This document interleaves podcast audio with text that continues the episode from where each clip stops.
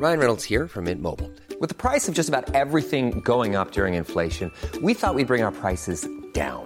So to help us, we brought in a reverse auctioneer, which is apparently a thing. Mint Mobile unlimited premium wireless. Ready to get 30, 30, bit to get 30, bit to get 20, 20, 20, bit to get 20, 20, bit to get 15, 15, 15, 15 just 15 bucks a month. So, Give it a try at mintmobile.com slash switch. $45 upfront for three months plus taxes and fees. Promo for new customers for limited time. Unlimited more than 40 gigabytes per month. Slows. Full terms at mintmobile.com.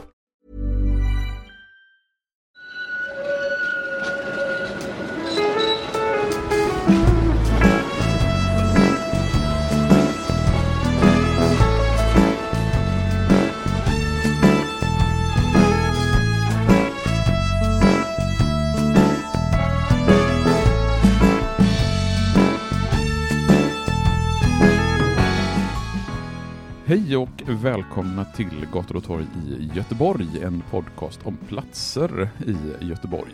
Jag heter ju, som ni säkert vet sedan tidigare, Mattias Axelsson och i vanliga fall så brukar det vara jag som får vara den som säger eh, tack när någon hälsar mig välkommen i podden. Men idag så är det jag som istället ska programleda eh, eftersom jag har tagit mig till Botaniska trädgården för att där prata med en trädgårdsmästare, nämligen Filip Lauritz. Välkommen! Tack så mycket. Ska du väl säga till mig eftersom vi sitter på ditt kontor på Botaniska trädgården? Det låter som Kalle Lind. Ja, jag, jag vet att jag har snott den ifrån honom, det är alldeles uppenbart. Eh, men du är trädgårdsmästare här på Göteborgs Botaniska trädgård. Ja. Eh, vad innebär det att man är trädgårdsmästare egentligen? Ja, i mitt fall så eh, innebär det ju i första hand att jag är ute och sköter eh, mitt område som är Liljelunden, en eh, nyanlagd del i det som vi kallar för kulturträdgårdarna Mm. uppe ovanför Stora Änggården. Och det är en anläggning med mycket perenner men också lökväxter och träd och, träd, träd och buskar. Mm. Men det kan också vara en del gestaltning och beställningar och sånt där. Och vi sitter som sagt inne på ditt kontor och tanken är att vi idag ska prata just om Göteborgs Botaniska trädgård. Och anledningen till att jag kom på den här idén, det var ju vi känner ju varandra lite grann sedan tidigare. Du bodde ju eh, i Gårda och när jag bodde på Pennygången så hade vi lite kontakt där kring alla ska kunna bo kvar. Så jag såg på Facebook att ni firar 100-årsjubileum i år, liksom många andra platser här i Göteborg.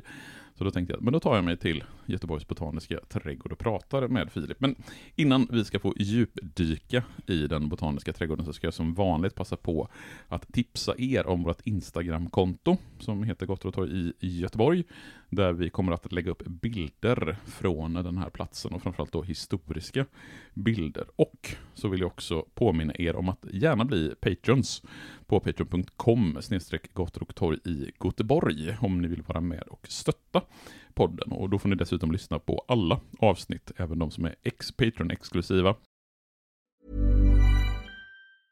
Burrow's furniture is built for the way you live. From ensuring easy assembly and disassembly to honoring highly requested new colors for their award-winning seating, they always have their customers in mind. Their modular seating is made out of durable materials to last and grow with you. And with Burrow, you always get fast, free shipping.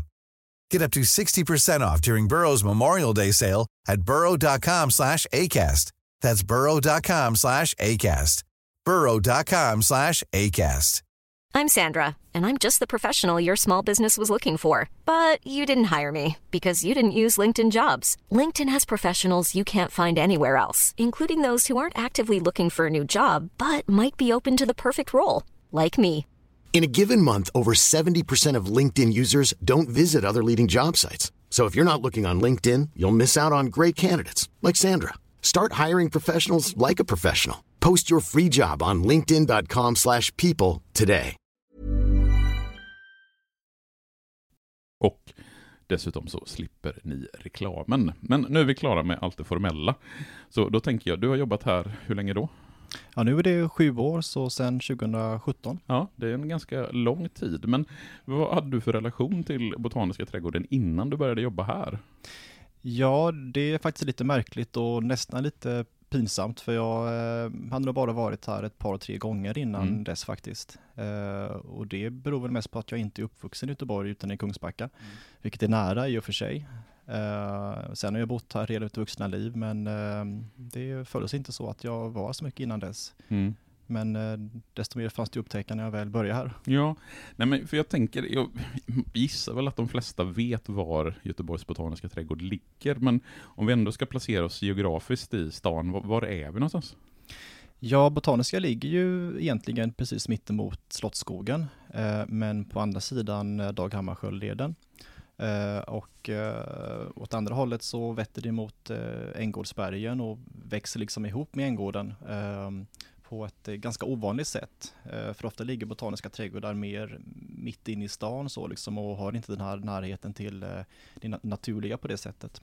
Och sen så norr om så är det väl Salgrenska som eh, ligger eh, åt det hållet, tänker jag? Precis, ja precis. Och ska man ta sig hit så skulle jag säga att det är bättre att ta spårvagnen dit Mm. än till eh, Botaniska hållplatsen. Ja, den är ju lite knölig. Att går man av där så måste Ja. man ju faktiskt ta sig över motorvägen och sen måste man promenera en ganska bra Tillbaka. bit. Ja.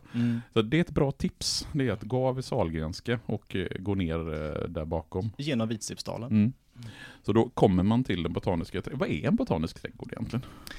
Ja, det är en bra och eh, väldigt relevant fråga. Ja. Eh, och, eh, jag har tänkt lite på det att Göteborg har ju faktiskt väldigt många eh, centralt belägna grönområden eh, i förhållande till sin storlek.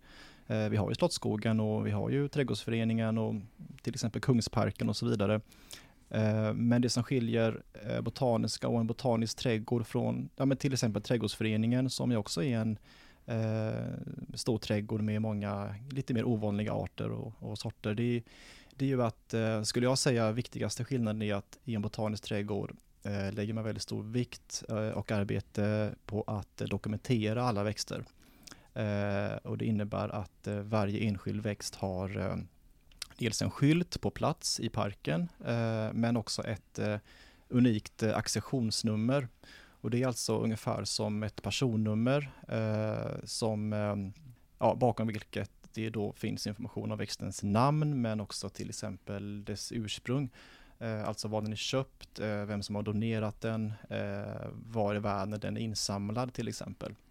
Eh, och eh, vi skiljer på eh, kulturväxter och eh, vildinsamlade växter, alltså rena arter. Och en eh, kulturväxt eller en eh, kultivar har förutom artnamn också en, ett eh, sortnamn.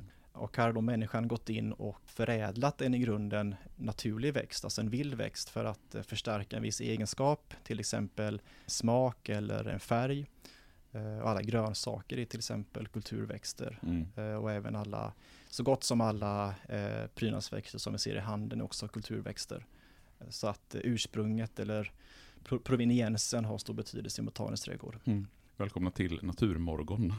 Fick en ordentlig genom. Jag hade faktiskt inte koll på det här. Det är eh, lite intressant att få den inblicken. För i Gott och torg Göteborg brukar vi ofta pra- prata just om platser och byggnader. Ja. Men, ja, men det är ju intressant just för att i en botanisk trädgård, det är ju just själva växtligheten som jag tänker är det centrala någonstans. Det är, det är därför man kommer hit och tittar. Eller ja, man kan ju komma hit för att gå runt för att det är en fantastisk trädgård bara att promenera. Det finns ju mycket vackra, byggnader, men just Ja. växterna har ju stor betydelse givetvis. Ja, ja, men en botanisk trädgård har ju väldigt många olika syften och också eh, beroende på eh, vilken sorts besökare man är såklart, hur insatt man är i växtvärlden och så.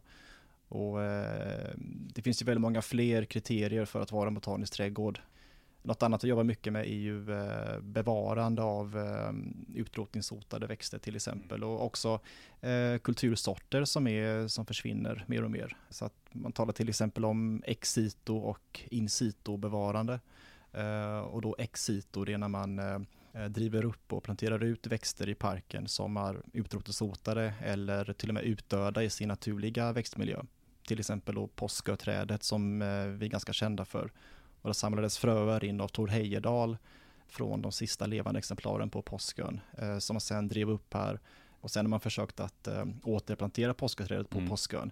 Men det har aldrig, aldrig lyckats. Okej, varför inte då? På något sätt har väl eh, förutsättningarna på Påskön förändrats Ja. sedan dess då. Eh, Så att den finns bara i odling i olika botaniska trädgårdar. Bland annat här då i Göteborgs botaniska Ja, trädgård. främst här. Det är precis. ganska häftigt ändå att tänka sig att eh, frön som Tor Heyerdahl tog med sig från påsken gör att det finns påsköträd här Mm. i Göteborg. I Sverige, Ja, ja, det, är, det är fascinerande. Mm. Men om vi ska ta oss lite grann tillbaka i historien. Vi pratade ju om att eh, Botaniska trädgården på ett ganska eh, sömlöst sätt nästan går över i Änggårdsbergen. Och jag lyckades hitta här en karta över just Änggården från 1787.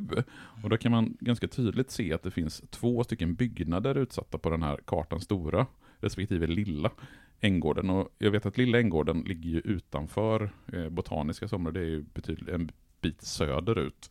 Eh, längs med Dag Hammarskjöldsleden. Kanske får anledning att återkomma till den byggnaden också. Men stora Änggårds, Änggårdens byggnad ligger ju på eh, Botaniska trädgårdens marker. Men det huset som står där idag fanns inte 1787 när den här kartan är ifrån. Nej, det är ju inte samma hus, även om det väl låg på samma plats, Mm. eh, utan eh, Stora Änggårdens nuvarande byggnad är byggd i början av 1800-talet, 1812 tror jag, eh, av eh, Gabriel Gren som då köpte Stora och Lilla Änggården. Och eh, Gabriel Grens son Arvid Gren, eh, som tog över Stora Änggården efter sin, efter sin mor, hade stort trädgårdsintresse och planterade hundratusentals träd i Änggården Mm. i andra hälften av 1800-talet, varav många ganska sällsynta arter. Mm. Vissa ska finnas kvar än idag tror jag, några enstaka exemplar. Och man kan lätt tro att det är ursprunget till botaniska, Mm. men det är det faktiskt inte. Okej, för det, det är ju liksom den direkta associationen jag får när Mm. du säger att ja, men han som hade en gång när han planterade en massa träd, ergo att det blir någonstans det Ja. som bygger vidare till en botanisk trädgård. Men så är det alltså inte då? Nej, jag har nästan eh, förstått som att det är en tillfällighet. Ja. Eh, Man kanske hade det långt bak i åtanke när man valde den här platsen, men det är inte det som är eh, huvudskälet till det Nej. faktiskt. Men om vi sen hoppar då fram till sent 1800-tal så köpte Göteborgs stad området som eh, ska bli liksom stadsdelen Änggården, för det här ligger ju utanför, det måste man ju komma ihåg, det ligger ju utanför Göteborgs stads ägor. Det tillhör väl Örgryte socken skulle jag gissa, eftersom det ligger söder om, söder om Göteborg. Eh, och sen bestämmer man sig 1915 för att anlägga just en botanisk trädgård här. Eh, och vad är det man gör då när man anlägger en botanisk trädgård? Ja, det är ju eh, eh, ingenting som sker över en dag direkt. Nej, det är inte så att man går ut och påtar lite i jorden och sen så har vi en botanisk trädgård. Nej, man gick väl ut och mätte ut området till att börja med. Men, eh, men det var någonting som förstås skedde etappvis Mm. under en lång tid, eh, även om man från ett tidigt stadium hade en ganska klar bild av hur eh, området skulle tas i anspråk på lång sikt. Men det började faktiskt med att Göteborgs skolförening som fanns på den tiden, de eh, uttryckte ett önskemål om ett botaniskt undervisningsfält någonstans i Göteborg. Och i samma veva så lades det också ett förslag i kommunfullmäktige om att anlägga en botanisk trädgård. Så det kom från flera olika håll. Och lägligt nog så hade den välbärgade grosshandlaren Charles Felix Lindberg ungefär tio år finns tidigare. alltid en välbärgad Ja. grosshandlare någonstans i bakgrunden när det ska pratas om varför, varför saker och ting anläggs i Var Göteborg. finns de idag? varför har vi De ingen? hade behövts idag faktiskt. Ja, då bygger, de- bygger eh, Hotell Draken Ja, och eh, precis. Karlatornet Ja, istället. Stordalen här, Serneke. Ja. Eh, nej, men han hade donerat sin stora förmögenhet till Göteborg eh, för stadens förskönande faktiskt då. Eh, så att det fanns mycket pengar och på så vis kunde man använda dem till att förverkliga denna idé med att anlägga en botanisk eh, trädgård då. Vet du om det är någonting som liksom ligger i tiden, det här eh, just med botaniska trädgårdar? Eller är det någonting helt nytt som kommer? Eller vad är liksom historien bakom botaniska trädgårdar generellt? Den är ju betydligt eh, äldre än så alltså. Det här är ju en, eh, en av de yngre botaniska trädgårdarna egentligen. Den yngsta i Sverige. Och, men det som, det som var på, modet då var däremot detta med naturparker. Så man fick upp ögonen för eh, de mer ja, naturliga eh, miljöerna och ville utforska dem. Och det var därför som eh, Vitsipsdalen var så intressant. För det an- ansåg man vara en relativt ursprunglig och opåverkad naturmiljö. Mm. Sen var den inte helt opåverkad visade det sig, men ändå så pass intressant för att anlägga botaniska inviden. Mm. Så att egentligen det som är huvudskälet är att man valde Änggården istället för till exempel Sottskogen och eh, Lilla Torp som också var på tal. Mhm. Men jag, vi har ju nämnt Vitsippsdalen vid två tillfällen, dels att man, att man kan ta den vägen in. Ska vi förklara lite vad Vitsippsdalen är för någonting för den som inte har, jag, jag kanske, namnet kanske säger vad det är, men om du ska förklara, vad är Vitsippsdalen? Ja, det, det är ju som sagt en relativt urs, ursprunglig eh, naturmiljö, en, eh, en lövskogsmiljö. Eh, det rinner en liten bäck igenom eh, och finns det egent, egentligen inga unika sällsynta arter, men eh, det är ändå en eh, miljö som visar på hur eh, det här området har sett ut för länge sedan. Så att där grundar man redan 1919 faktiskt eh, det som kallas för Naturparken. Och det är egentligen i folkmun som jag börjar kalla det för Vitsippsdalen senare på grund av det stora havet av vitsippor Mm. då under våren. Och där låg också Botaniskas första entré faktiskt. Mm. Eh, och som fortsatte att vara Botaniskas entré ända till 1928. Mm. Jag gick då från slutet av Askimsgatan in genom Naturparken och fram till Stora Änggården. Mm. Och där, eh, precis när man kom in till Botaniska trädgården då, så anlade man också trädgårdens första anläggning då, eh, Landeriträdgården. Mm. Och sen så invigs ju Botaniska trädgården då 1923 eftersom ni firar 100-årsjubileum. Ja. Och Botaniska är ju en av alla de eh, byggnader, alla de platser som tillkommer i anslutning till jubileumsutställningen. Som vi har pratat eh, vid flera tillfällen om i podden. Vi har gjort avsnitt om Götaplatsen, om eh, Slottsskogsvallen, om Liseberg och så vidare. Men är det direkt knutet just till jubileumsutställningen även Botaniska trädgården eller råkar det bara bli så att det invigs samma år?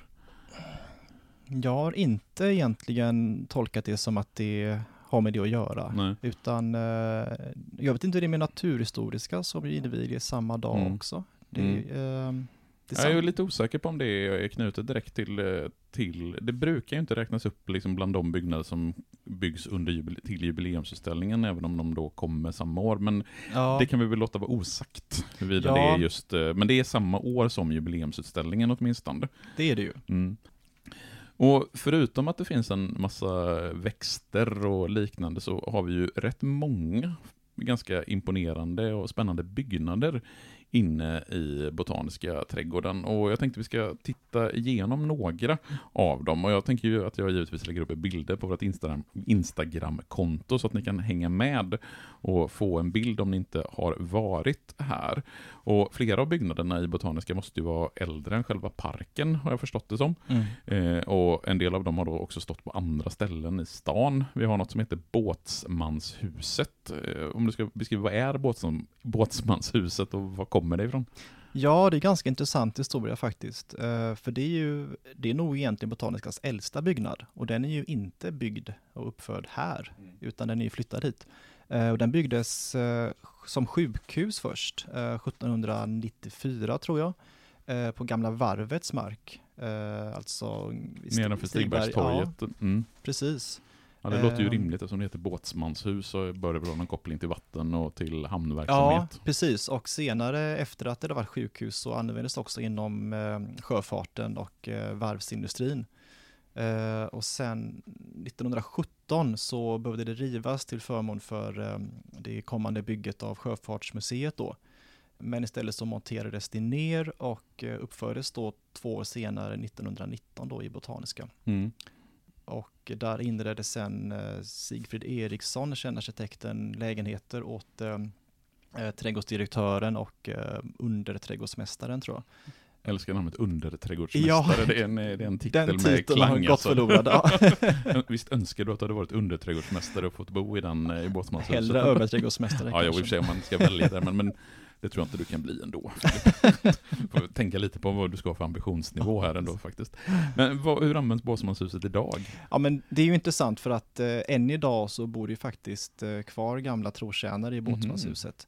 Så att det är ju privatbostad. Mm. Och eh, det var faktiskt eh, Karl Skottsbergs eh, eh, ursprungliga önskemål att eh, de som jobbar i, i trädgården också är bosatta Mm. inom parkens område. Eh, Och så har det faktiskt fortsatt då ända in i våra dagar. Mm.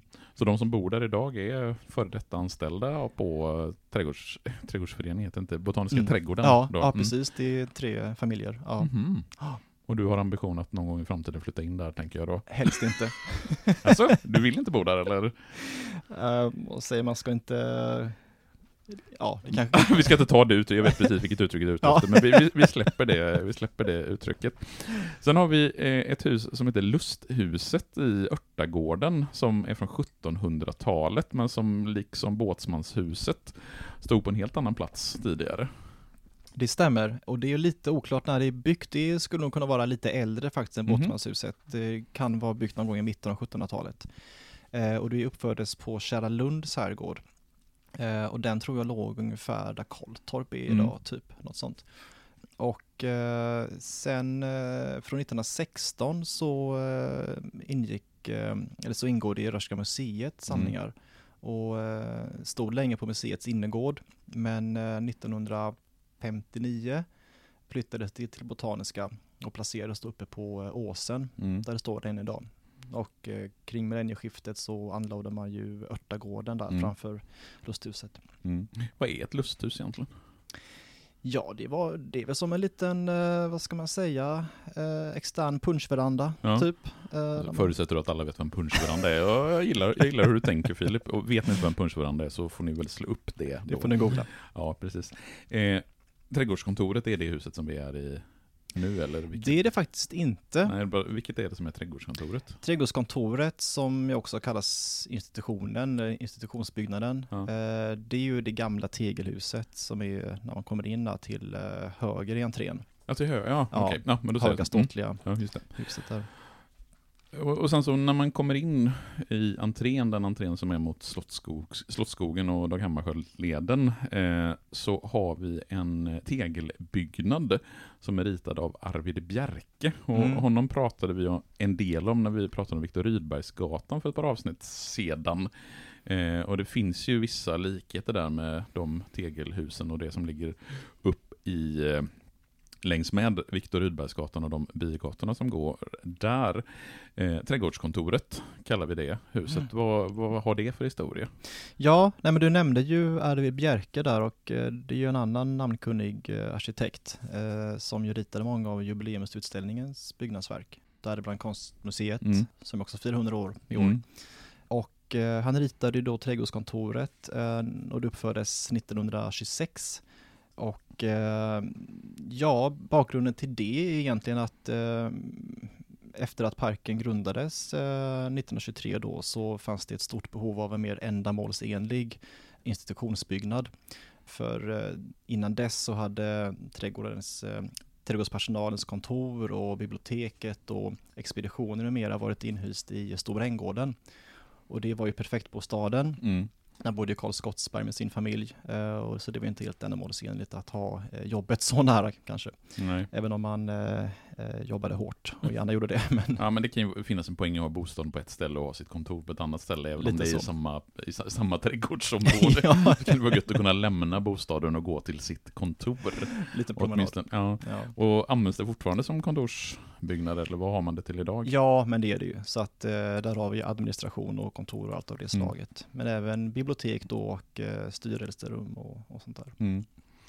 Eh, och några år innan eh, det här trädgårdskontoret byggdes så eh, byggdes stallet. Och jag lyckades hitta någon film, jag tror det var på Facebook, där man kunde se en Mm. mm. liten film med hela den här byggnaden. Det är ju verkligen hela byggnaden Ja, som flyttas. Ja liksom jag var på- där då. det var, ja, ja, det, det, jag ska försöka se om jag kan lägga upp den på vårt Instagram-konto.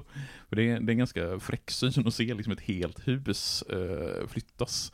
Vad, vad är stallet eh, för byggnad egentligen? Ja, stallet är ju en ganska unik byggnad för Botaniska för det är egentligen den enda som uppfördes till, eh, eh, till invigningen 1923.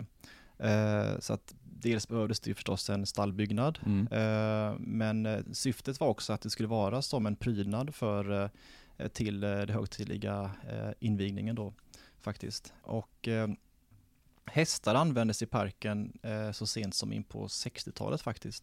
Vad var det man använde hästarna till egentligen? Till allt alltså. Eh, dra jord och sten och annat material, redskap och det är ju ganska kuperat alltså Ja. i Botaniska och ganska smala vägar och det var det som man också insåg att eh, för även om det hade börjat användas mer och mer motorfordon såklart vid den tiden så kom man fram till att det var mer praktiskt att använda hästar på de smala vägarna i parken. Mm. Men det är ingenting ni använder er av idag, gissar jag i alla fall, eller? Det hade ju varit häftigt Ja. alltså. Ja, nej, Tänk om du hade fått liksom ta, eh, liksom ta en häst och få eh, Ja. dra i jorden, eller vad man nu Verkligen. gör i jorden. Du märker hur jäkla okunnig jag är just på, på det här när det kommer till trädgårdsdetaljer. Eh, men och sen, är det någon mer gammal byggnad du känner att vi bör nämna? Eh, för sen har vi en massa moderna byggnader, men Ja. finns det någon mer äldre byggnad? Jo, men då skulle jag absolut vilja nämna Stolpboden. Mm. Eh, det är ett konstigt namn, men, men det är ju den här gamla röda ladan som eh, från början var Stora Änggårdens spannmålsmagasin. Och eh, den har faktiskt gjort samma resa kan man säga, eh, för den stod tidigare nedanför Stora Änggården, alltså ungefär där stallet eh, låg skulle jag Mm. kunna tänka mig. Och eh, flyttades därifrån då upp till eh, en bit ovanför Stora Änggården, eh, ungefär mellan Stora Änggården och restaurangen kan man säga, Mm. eh, 1919 tror jag. Eh, så den typen av flytt har genomförts en gång tidigare i Mm. parken faktiskt då. Hur kommer det sig att man flyttar byggnader sådär? Vad är poängen, eller varför gör man det? Man måste ha, eh, man måste uppskatta att byggnadens eh, kulturhistoriska värde Ja. ändå eh, redan på den tiden skulle jag tro. Eh, den är väl säkert från 1700-talet eller något Mm. som skulle kunna tänka mig. Så att den är ju värd att nämna. Mm. Eh, och det är ju intressant med hur många byggnader som har flyttats till och inom parken under Mm. årens lopp faktiskt. Eh, det, det finns en till sån byggnad och det är ju Japanskjulet. Mm. En ganska ovansinlig byggnad uppe i Japandalen som Mm. Eh, byggdes som väntkur till Särebanan, enligt vad jag har hört. Mm. Och eh, tidigare också fungerade som entrékiosk här nere i entrén. Eh, så den har flyttats runt ett par Ja, gånger. och används lite olika saker Ja, ja visst. Vad, vad är den idag? Förråd Ja. egentligen bara tror jag. Jaha, Och lite, lite sittplats och sådär. Ja. Ja, det är, alltså, det är fascinerande just det här. Och det är ju ändå, jag gillar ju ändå den här tanken på att man faktiskt kan återanvända gamla byggnader. Att man inte måste riva och bygga nytt bara Nej. för att man behöver, liksom, det är klart att man ibland behöver nya byggnader och behöver Mm. bygga nytt, men att man också ser en poäng i att bevara Mm. eh, de äldre byggnaderna och faktiskt uppskatta det som du nämnde, alltså kulturvärdet i, i vissa byggnader. Mm. Men om vi tar de mer moderna byggnaderna, alltså de som kanske är byggda på alltså de senaste 20-30 åren, har vi någonting där som är värt att uppmärksamma lite extra? Ja, vi har ju inte talat om växthusen någonting egentligen. Mm. Eh, De är ju byggda från mellan början av 70-talet och fram till början på 90-talet tror jag. De kommer nu rivas och ersättas med nya modernare växthus Mm. då. Sen sitter vi här i vår eh, personalbyggnad eh, från 2009. Mm. Eh, Men om det är någon byggnad med mer, eh, vad ska man säga, eh, andra värden, alltså konstnärliga värden eller så, så vi har ju Vinbergska paviljongen som Mm. är en nästan splitterny byggnad. Den är väl bara kanske två år gammal. Den är ju som ett riktigt smycke för parken. Mm. Den ligger där den gamla, mer klassiska paviljongen låg, som var som ett vitt litet lusthus. Mm. Det är ju byggt och ritat och byggt av eh, finsnickaren Anders Winberg som Mm. gjort mycket jobb i parken. Mm. Jättefin byggnad. Och jag kommer ju som sagt då lägga ut bilder på alla de här byggnaderna på vårt Instagram-konto. Men jag vill ju verkligen uppmana er att ta er hit till Botaniska trädgården och gå en promenad och titta på alla de här byggnaderna som vi pratar om. Men om man nu då, du som ändå har jobbat i parken i ganska många år, eh, om du skulle berätta för en besök, eller någon som aldrig har varit här, eh, och så kommer man in genom entrén, vad, hur ska man röra sig i parken för att få en maximal upplevelse? Vad, vad har du liksom för några platser dit behöver man gå för att få en riktig upplevelse av Botaniska trädgården? Ja, eh, vår botaniska trädgård är ju ovanligt stor alltså. Mm. Eh, så att eh, det finns väldigt mycket att se, men, men den är uppbyggd eh, så, så att man, om man följer huvudvägen så passerar man ju egentligen alla eh, viktiga områden i princip alltså. Så att eh, man kan ta som avstickare längs huvudvägen. Vi har ju eh, vårt helt nya område, Kulturträdgårdarna, som är precis ovanför Stora Änggården. Där vi har eh, dels köksträdgården och eh, en, eh, min anläggning som är företrädesvis liljor och dagliljor, pioner och annat. Sen perennträdgården längre upp är ju fantastisk. Och sen såklart klippträdgården och bambulunden och det finns så mycket att se. Mm. Men om du ändå skulle välja ut tre ställ, alltså saker, det här måste du se, det här måste du liksom göra när du är i Botan göra i Botaniska trädgården. Det låter som att det är en upplevelsepark man ska gå till, det är ju kanske inte riktigt där. Men tre grejer med Botaniska trädgården, vilka är liksom de tre bästa grejerna med Botaniska? Ja, vad svårt alltså. Eh, nej men då skulle jag ändå säga kulturträdgårdarna eh, och Bambulunden är också en favorit Mm. och eh, Klippträdgården. Mm. Och jag är ju personligen inte jätteintresserad av just växtlighet och sånt. Det har du säkert märkt i hur dumma frågor jag ställer när vi kommer in på just de områdena. Men jag måste ändå säga att jag kan ju verkligen uppskatta att promenera runt i Botaniska trädgården. Just för att, men som du säger, det är, det är ju en väldigt kuperad trädgård och det är väldigt varierad, eh, varierade miljöer. Man kan ju promenera runt här utan att egentligen nödvändigtvis tycka att ja, men det här är superintressant att titta på alla de här växterna eller alla de här namnen eller någonting. För den är ju den är ju vackert anlagd och den, ni gör ju ett fantastiskt jobb ni som sköter trädgården, måste jag ju ändå säga. Tack! Mm. Har du någonting mer som du känner att det här måste vi säga om Botaniska trädgården och eh, platserna i den stora trädgården? Eh, jag kan väl dra en liten anekdot. Mm, det gillar vi. En, Ja. eh, Avsluta med en god anekdot. Ja. En Eh, sån här riktigt mustig anekdot som innehåller någon typ av grosshandlare. ja, men lite så kanske. Nej, men vi pratade om stallet förut. Mm. Och där bodde ju faktiskt inte bara hästarna, Mm. utan även eh, kusken och drängen Henning Sandelin. Mm. Och han bodde alltså där i flera årtionden tillsammans med sina tro, trofasta dragdjur. Mm.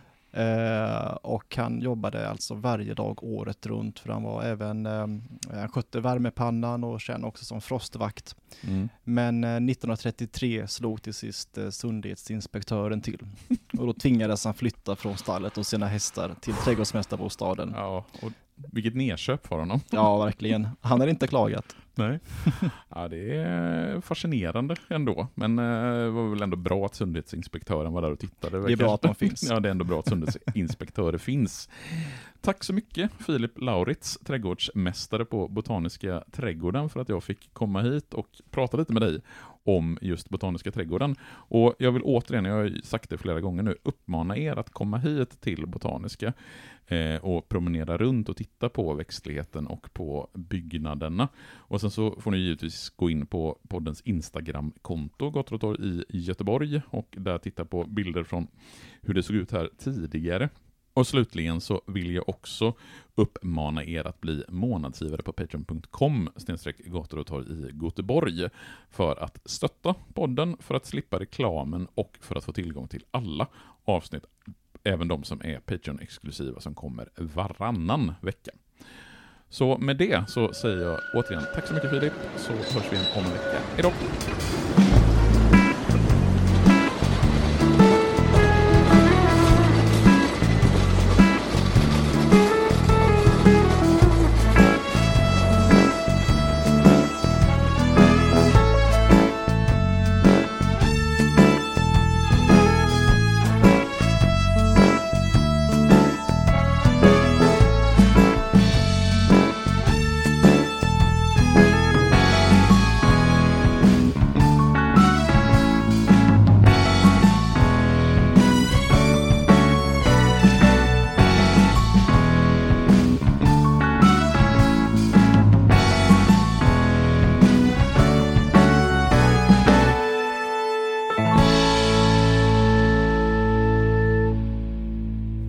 Gator och torg i Göteborg produceras av Reostat med Hi, I'm Daniel, founder of Pretty Litter. Cats and cat owners deserve better than any old fashioned litter. That's why I teamed up with scientists and veterinarians to create Pretty Litter. Its innovative crystal formula has superior odor control and weighs up to 80% less than clay litter. Pretty Litter even monitors health by changing colors to help detect early signs of potential illness. It's the world's smartest kitty litter. Go to prettylitter.com and use code ACAST for 20% off your first order and a free cat toy. Terms and conditions apply. See site for details. Yeah, AB.